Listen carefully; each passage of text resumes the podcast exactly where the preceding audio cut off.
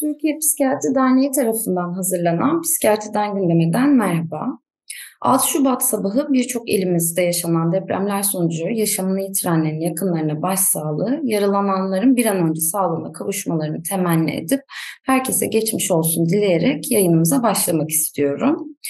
Bu hafta konuğum doçent doktor Münevver Hacıoğlu Yıldırım, Bakırköy Ruh ve Sınır Hastalıkları Hastanesi'nden. Hoş geldiniz hocam. Hoş bulduk.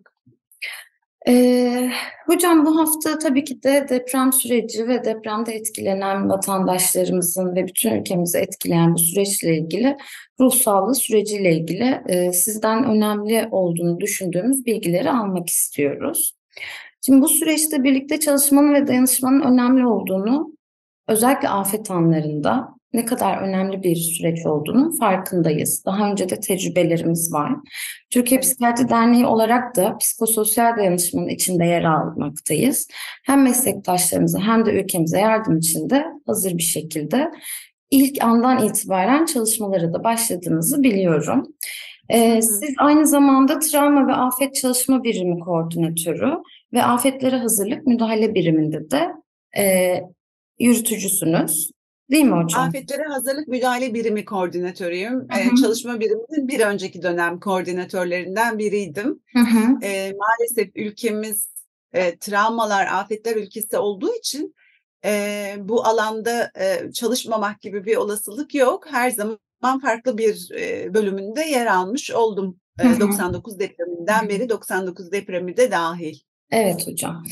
Şimdi hocam 21. yüzyılın en büyük doğal afetlerinden biri olarak söyleniyor ee, ve hepimiz aslında üzgünüz, endişeliyiz. Bütün duygularımız harekete geçmiş durumda ve elimizden geldiğince de tabii yaraları sarmaya adına katkıda bulunmak istiyoruz. Bu süreçte ilk andan itibaren psikososyal desteğin ne kadar önemli olduğunu da biliyoruz.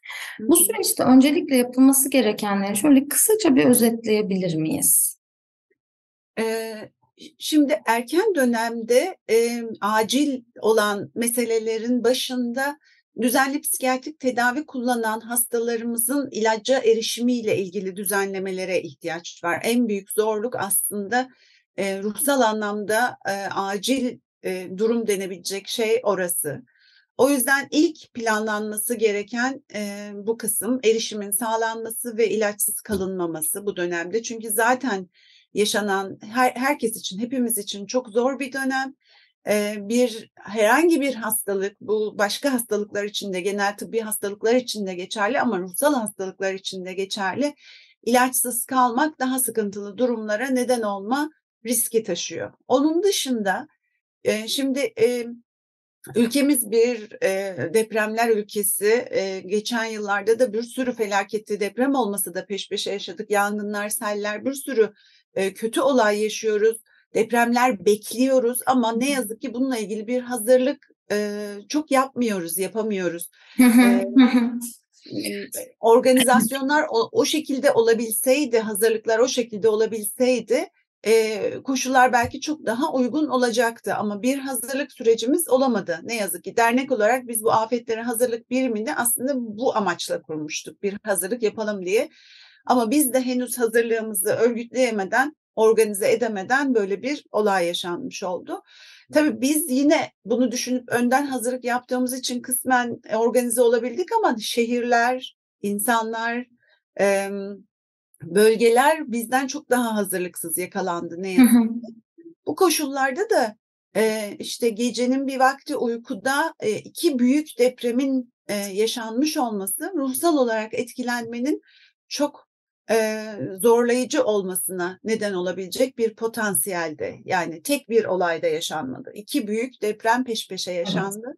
Evet. Biz biliyoruz ki yaşanan doğal afetlerden ya da travmatik olaylardan sonra olay öncesi bir takım şeyler olsa da belirleyiciler işte hastalıklar gibi bir takım e, durumlar, özellikler gibi olayın yaşanma biçimi ve olay sonrası yaşananlar çok daha belirleyici.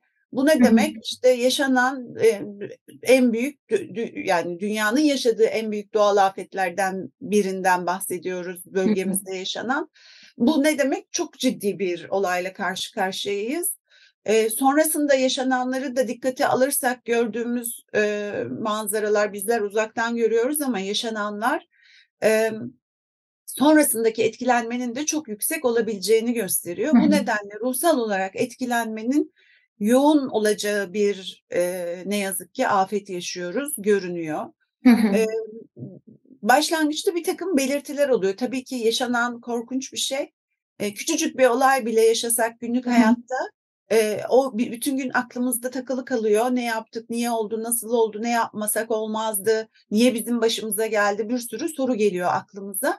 Bu tabii bu, bu boyutta korkunç bir afet yakınlarımızın zarar gördüğü, kendimizin bedensel yaralandığı ülkenin o, o 10 milyonun üstünde kişisinin etkilendiği bir durumda bu sorular e, çok daha büyük oranlarda soruluyor. Niye oldu, nasıl oldu e, ve bunlarla birlikte başlangıçta tekrarlama belirtileri dediğimiz travmalardan, afetlerden sonra yaşanan belirtiler ortaya çıkıyor. E, bu belirtiler de insanın baş etmesinin biraz güç olduğu şeyler oluyor genellikle. Hı hı. E, ama bizim için anormal olaya verilen normal tepkiler çerçevesinde bütün bu belirtiler olay oluyormuş gibi hissetme, sanki tekrar yaşanıyormuş gibi algılama. E, kapının dışına çıkamama. Şimdi hani orada kapı çok söz konusu değil ama e, uzakta iz, olanlar için de aynı şey geçerli, etkilenmiş olanlar için. E, o nedenle tekrarlama belirtilerinin olması, flash beklenen, yaşanan olayı tekrar hatırlatan görüntülerin akla gelmesi, yoğun kaygı ve sıkıntı hissetmek başlangıç için biraz uykusuz, biraz iştahsız olmak, günlük aktiviteyi sürdürmekte zorluk bizler için beklenen durumlar. Bunların e, hayatı çok alt üst etmediği sürece anormal olaya verilen normal tepkiler çerçevesinde değerlendirilmesi önemli. Bizler böyle değerlendiriyoruz. Hı hı. Bu dönemde de psikolojik ilk yardım e, uygulamaları yapıyoruz. O nedenle evet hocam. e, böyle bir yaşanan korkunç dehşet olayla, durumla, hissedilen duyguyla baş etme süreci olarak gördüğümüz için hı hı. önerimizde psikolojik ilk yardım çerçevesinde öneriler oluyor. Hı hı. Ee, başlangıç için ruh sağlığı uzmanlarının yapacağı psikolojik ilk yardım uygulamaları. e, hocam peki psikolojik ilk yardım e, dediğimiz zaman tam olarak neyi kapsıyor? Çünkü birçok şeyle karşılaşmaya başladık. Tabii e, olayın büyüklüğü, e, ruhsal yükü adı altında işte ben kendim de gördüm işte psikoterapi uygulamaları gibi ama sanki aslında şu anda çok daha farklı bir sürece başlangıç olarak ihtiyacımız var. Belki onu birazcık netleştirmemiz gerekir?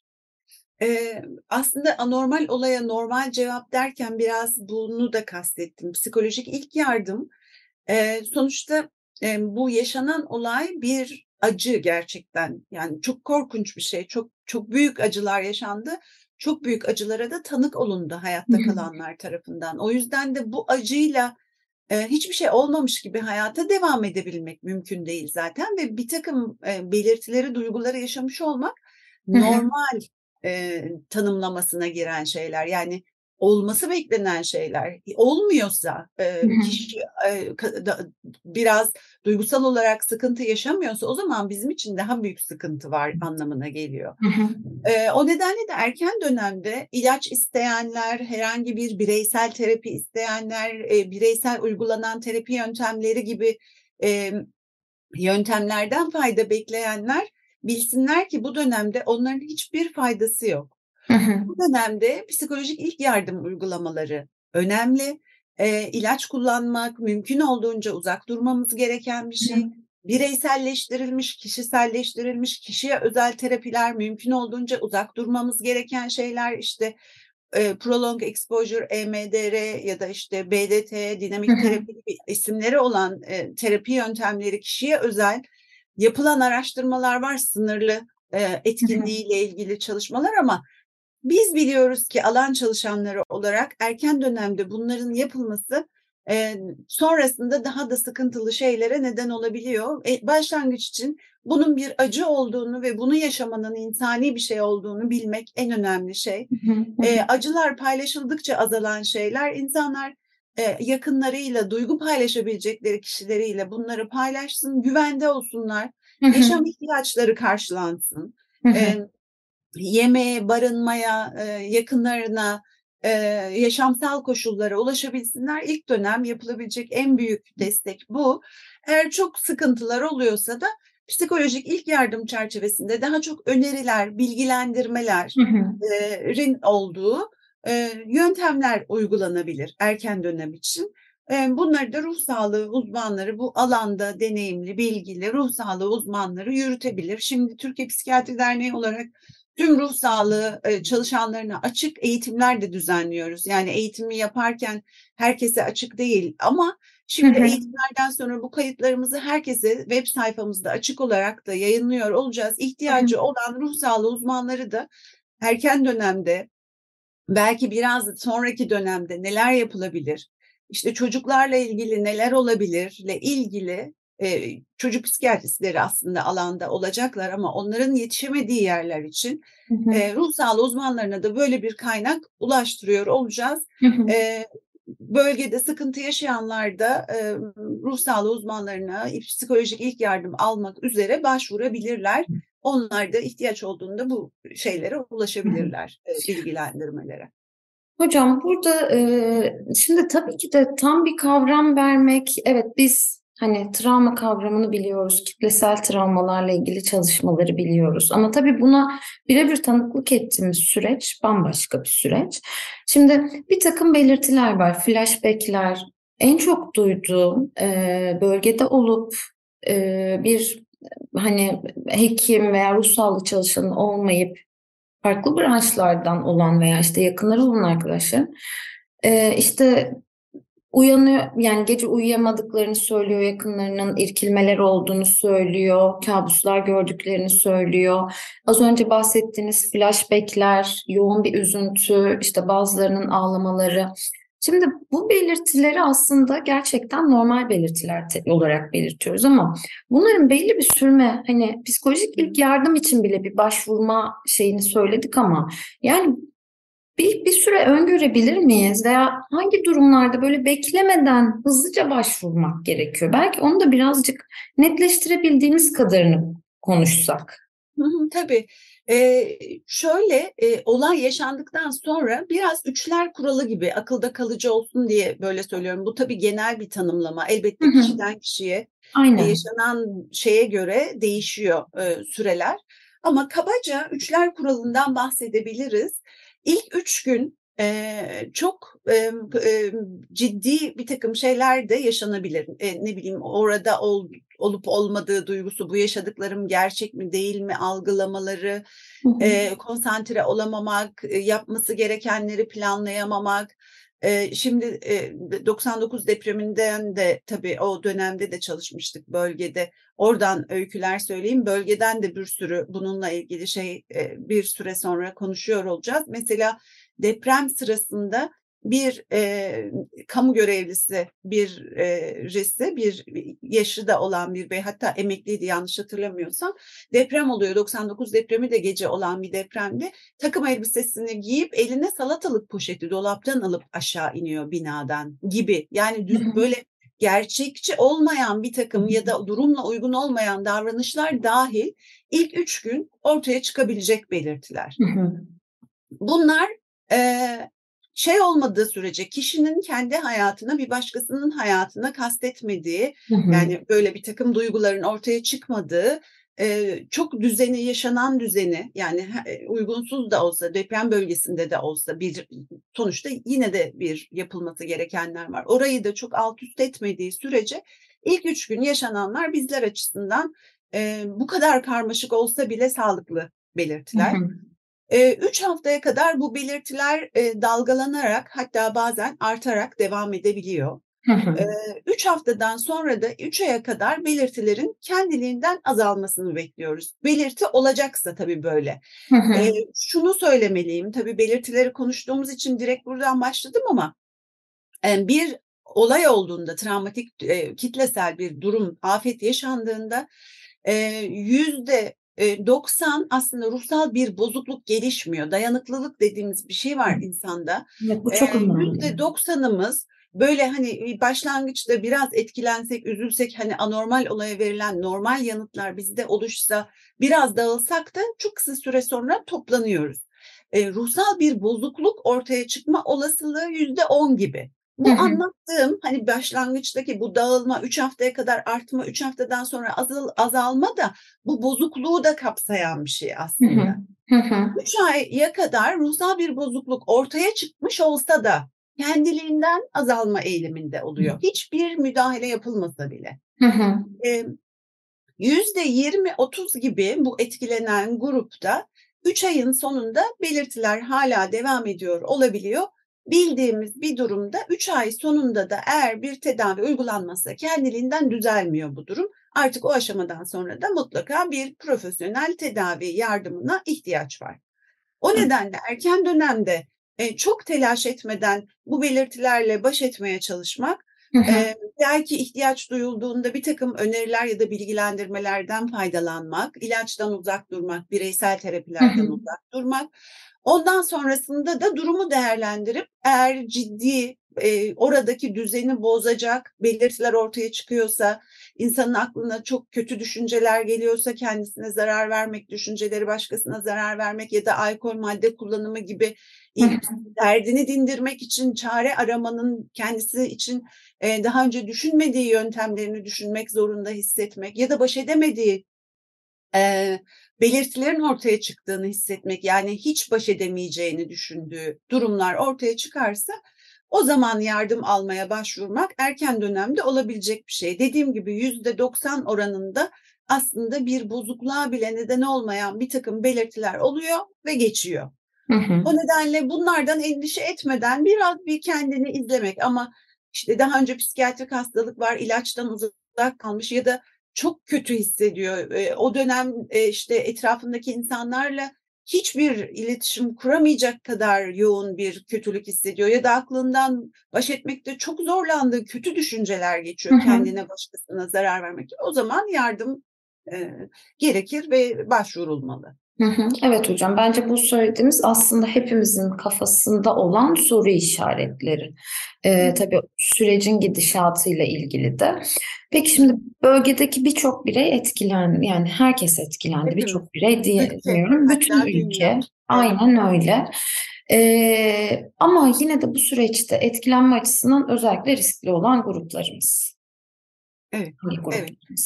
E, riskli olan gruplarımız şöyle, e, e, şimdi olaya ait ve olay sonrası faktörler dedik. E, bu ne demek? Olayın en çok, e, olaydan en çok etkilenebilecek e, kişiler e, değerlendirmeli. Mesela deprem yaşadığında kendi imkanlarıyla bedenine bir şey olmasa da dışarıya çıkmakta zorlanabilecek gruplar.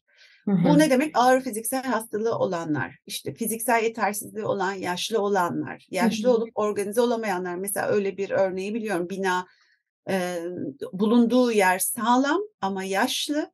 E, dışarı çıkamıyor. Kapıdan çıktığında çünkü aşağıya inmesi lazım. Bir şey lazım. Taşınması gereken koşullar. Biraz daha genç ve fiziksel olarak güçlü olsa atlayacak bir yerlere basacak inecek. Böyle örneklerimiz var ne yazık Hı ki. hı. Ya da çocuklar Eee, işte yine kendi imkanlarıyla hayatta kalma yani tek başına dışarıya çıktığında organize olamayacak durumdaki ler özellikle grubu oluşturuyor diyebiliriz. Ağır psikiyatrik rahatsızlığı olanlar, ağır bedensel rahatsızlığı olanlar, yardım imkanlarına erişimle ilgili güçlükleri olacak olanlar, işte dil nedeniyle kendini ifade edemeyen azınlık gruplar, bölge itibariyle bununla ilgili zorlukların olabilmesidir çok mümkün. Mülteciler gibi bir takım riskli gruplarımız var. Afetlerden, doğal afetlerden ya da işte toplumsal kitlesel travmalardan etkilenme açısından daha özenli, dikkatli davranılması gereken, kendisi yardım istemese de yardıma ihtiyacı var mı diye bizim kapılarını çalmamız gereken de bir grup var.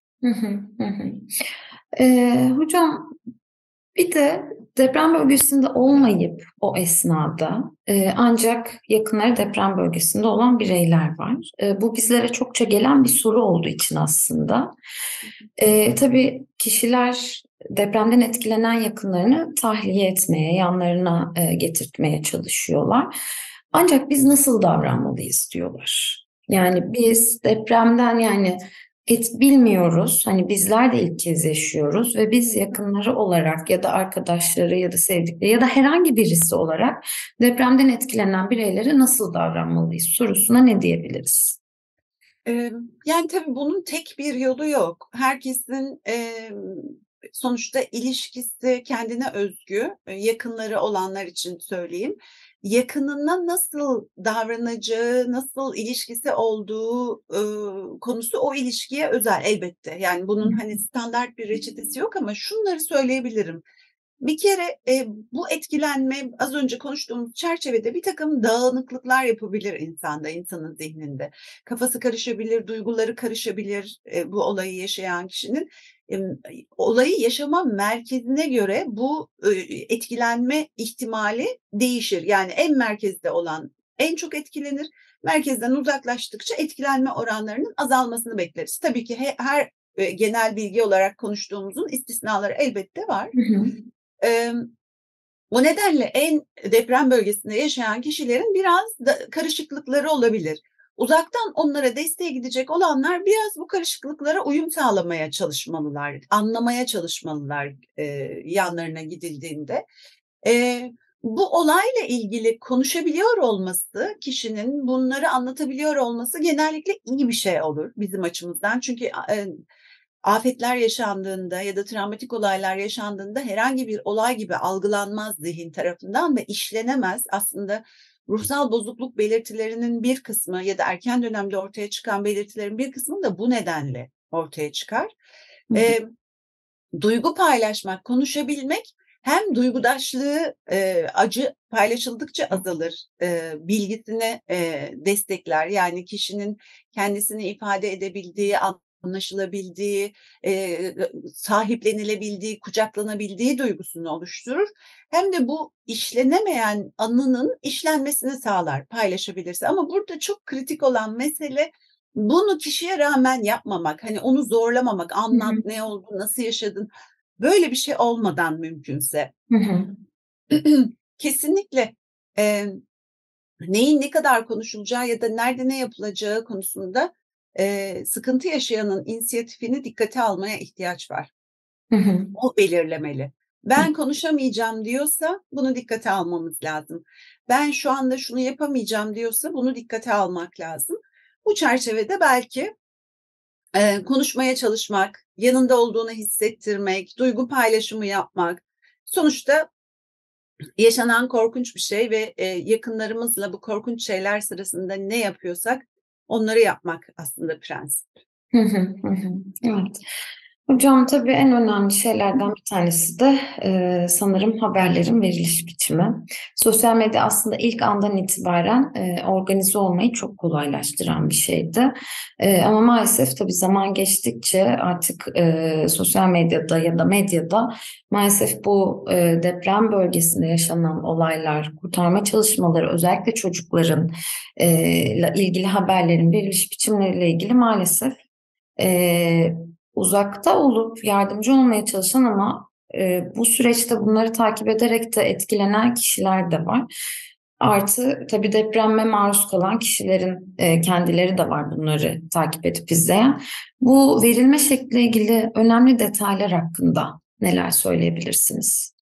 E, şunu söyleyebilirim. Ben 99 depreminde de psikiyatri psikiyatrist olarak görev yapmış biri olarak o dönemde e, bu kadar tabii yaygın değildi ama televizyonlarda e, veriliyordu görüntüler. Mesela ben hiç e, deprem görüntülerini izlemiyorum şu anda. Hiç bölgenin o yıkımı ile ilgili görüntüleri görme olasılığım olan yerleri geçiyorum. Yazılı şeyleri izliyorum elbette. Hı hı. Bir sürü iş yapmak gerektiği için bu dönemde ama e, o görseller mesela normalde ruh sağlığı değerlendirmesi için bizim bir takım kriterlerimiz var. E, medya aracılığıyla maruz kalmak sanki ruhsal bir bozukluğa neden olmuyormuş gibi e, bugün için değerlendirmede ama gerçek öyle değil. E, o görüntülerin veriliş biçimi ister olaydan etkilenmiş olanları, ister olaydan o ana kadar etkilenmemiş olanları etkileme potansiyeli taşıyor. Ve kimseye de bir faydası yok aslında. E, zaten olay dehşet hepimizin bildiği bir şey bu. Olay zaten korkunç bir şey. E, o yüzden bu olayın farklı korkunçluktaki detaylarına ayrıca maruz kalmaya hiç gerek yok. Bu ruhsal olarak etkilenmeyi artırıcı bir şey taşıyor. Hemen şunu söyleyebilirim belki bunu nasıl ne kadar e, anlaşılabilir yapacağını belki daha iyi anlatır. Mesela 99 depremi döneminde bizler debriefing grupları denen gruplar öneriliyordu dünya tarafından. Amerikan Psikiyatri Birliği'nin de algoritmalarında yer alan bir şeydi. Bölgede gidip herkesi böyle e, etkilenmiş olanları bir araya toplayıp iç dökme grubu gibi bir seferlik olayın anlatılması gibi gruplar yapıyorduk. Bunların iyi olacağı e, söyleniyordu duygu ifadesi anlamında.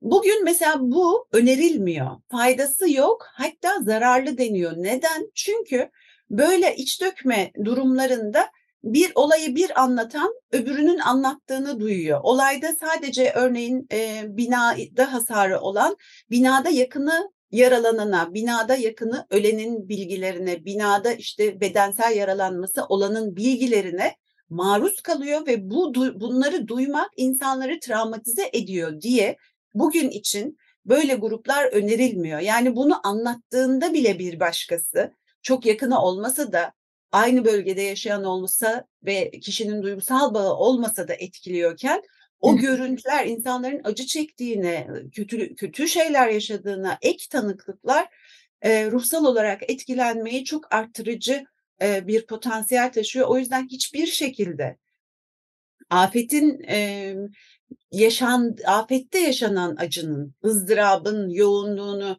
çok hissettiren görüntülerin paylaşılmaması önemli. Bu şu demek değil, şunu da mutlaka belirtmeliyim. Ee, daha önce de e, bunu defalarca ifade ettik ama ile ulaşamadı yetkililere sesimiz. Bu şu demek değil, bu olay yaşanmadı gibi devam etmek hayata demek değil. Mesela biz 99 depremi için bölgelere deprem anıtları oluşturulsun dedik. Ya da bir Hı. mesela binanın e, şeyi kalsın orada bir tane enkaz kalsın sadece enkazı hatırlatan bir şey kalsın dedik. Bu ne demek? Gidip acımızı orada yaşayabilelim. Hiç Hı. olmamış gibi değil. Elbette bu korkunç bir şey. Hani görselleri görmeyince olay olmamış gibi hissetmek için önermiyoruz bunu. Hı. Acıyı yaşayacağız ama zaten yaşanan korkunç bir şey, zaten hissettiğimiz çok büyük bir acı bunu fazladan yaşamış olmanın ek bir katkısı yok kimseye. O yüzden evet olay olmamış gibi olmayacak biz yasımızı tutacağız bir şey gibi düşünmek lazım bunu. Hani bireysel bu olay olmadan önce de acılarımız vardı acılarımızı yok saymadan yaşamayı öneriyorduk biz. Bunun o yaşananın bin katı belki e, milyonlarca katı büyük bir acı olduğunu bunu yaşamadan asla geçmememizi e, söyleyeceğiz. Ama bu acıyı da iyice işte yaraya tuz basarak, iyice acıtarak, iyice kanatarak yaşamanın da bir kimseye bir faydası yok. Acımızı yaşayacağız, e, duygularımızı hissedeceğiz, sevdiklerimizle paylaşacağız ama e, görselleri medyada uygunsuz e, olayı e, korkunç durumda veren görselleri mümkün olduğunca paylaşmayacağız ki e, acısı olanların acısına da biz ek tuz basmayalım, ek yara açmayalım insanlarda. O yüzden bu kısım çok önemli. Bunu sorduğunuz çok iyi oldu. E, bu bunu mutlaka dikkate almalı e, sosyal medyada paylaşım yapacak olan herkes. Evet hocam kesinlikle. Ee, hocam yani bunlara ilave olarak e, biraz toparlayacak olursak yani aslında dediğim gibi bazen söyleyecek sözümüzün olmadığı, bazen de aslında o kadar çok söyleyecek şeyimizin olup e, hani nasıl toparlarız diye düşündüğümüz bir süreç. E, bu süreçte depremden tabii hala deprem bölgesinde olan vatandaşlarımız var etkilenip işte yakınlarına bilmiyorum şu anda onlara ulaşabilecek miyiz ama hani yani yayın olarak e, ama sonuçta birçok kişiye ulaşmaya çalışıyoruz bu, bu şekilde. Ee, neler önerebiliriz? Hani ne söyleyebiliriz? Yani evet konuştuk ama belki bir iki dakikaya denk gelirler sadece. Yani ne yapsınlar, ne yapmasınlar? Motomot bilgi gibi değil ama. Hı hı. Şeyi söylemeyi unuttuğumu fark ettim. Belki onları biraz daha bahsetmeliyim. Belirtilerle ilgili tekrarlama belirtileri olur dedim ama hı hı. E, bu erken dönemle ilgili söyledik.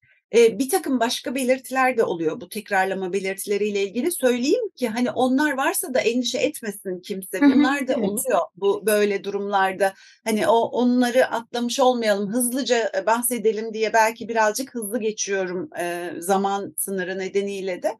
Sadece tekrarlama belirtileri olmuyor elbette afetlerden sonra. İşte bedensel bir takım belirtiler oluyor. Uykusuzluk, iştahsızlık gibi, bedensel ağrılar gibi bir takım belirtiler oluyor.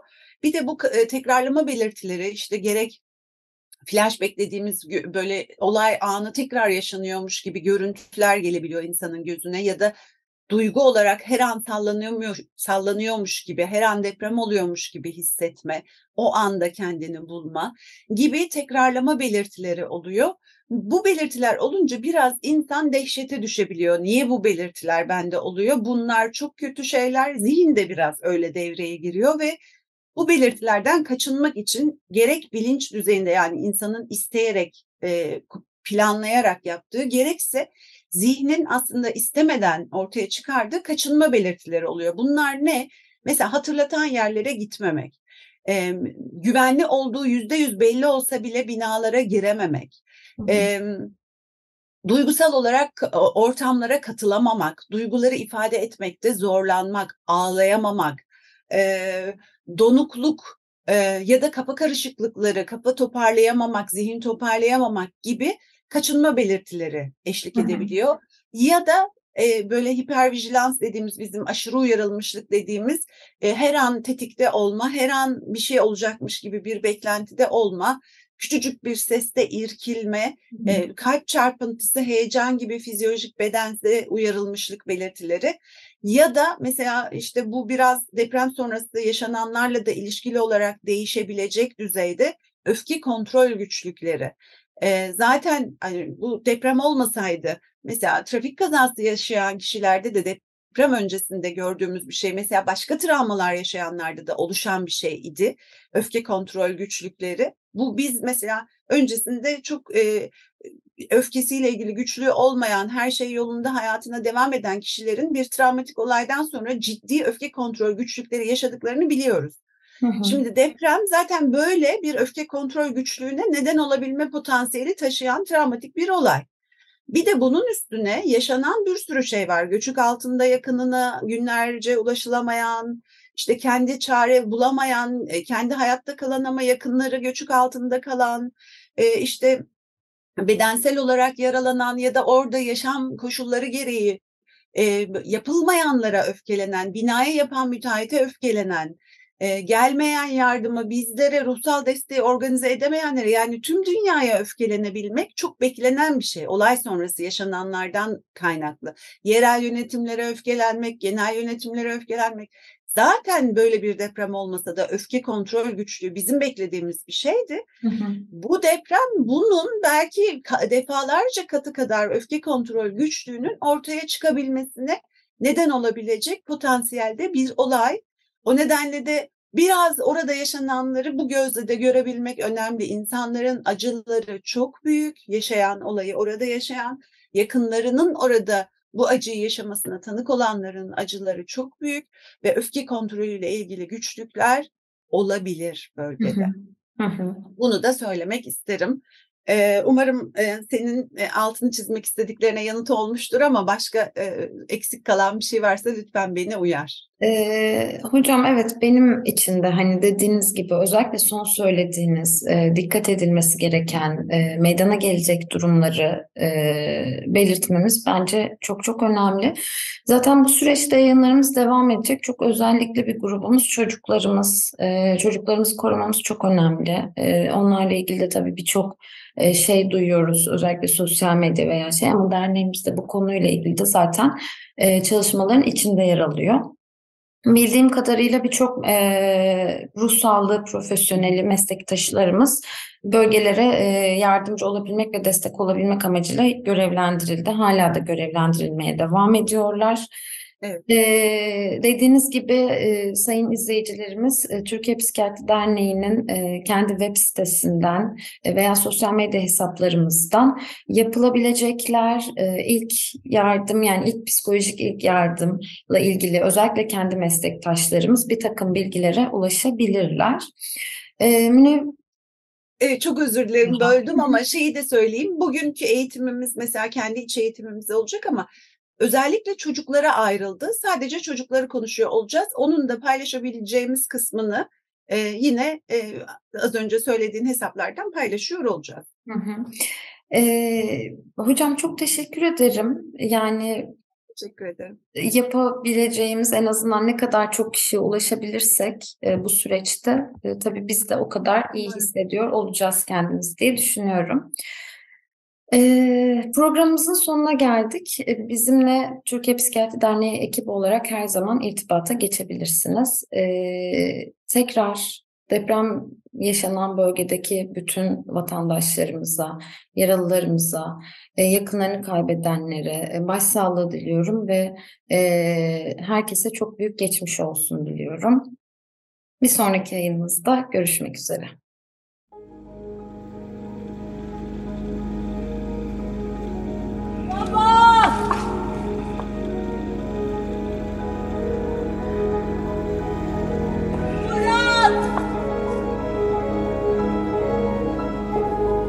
Kimse gelmedi. Devlet yetkililerinden kimse yok. Sadece burada halk var.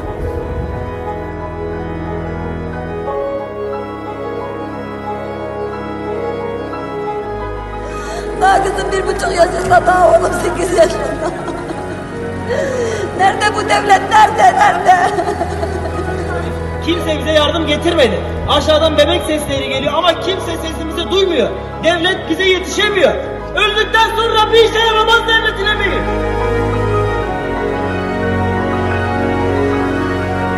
İçeride insan var mı?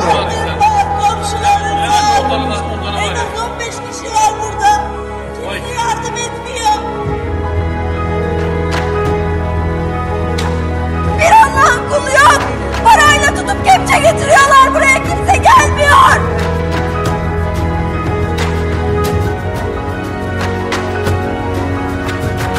Hatay Samandağ'dayız. Gaziantep Nurdağ'ında da yıkım büyük. Önce Diyarbakır'daki enkazlarda arama kurtarma çalışmaları Adıyaman'daydı ve arkamdaki gördüğünüz enkazın altında kaldı. Hatay'da arama kurtarma çalışmaları devam ediyor. Adıyaman'ın Besni ilçesindeyiz. Depremin ana üssü Pazarcık'tayız.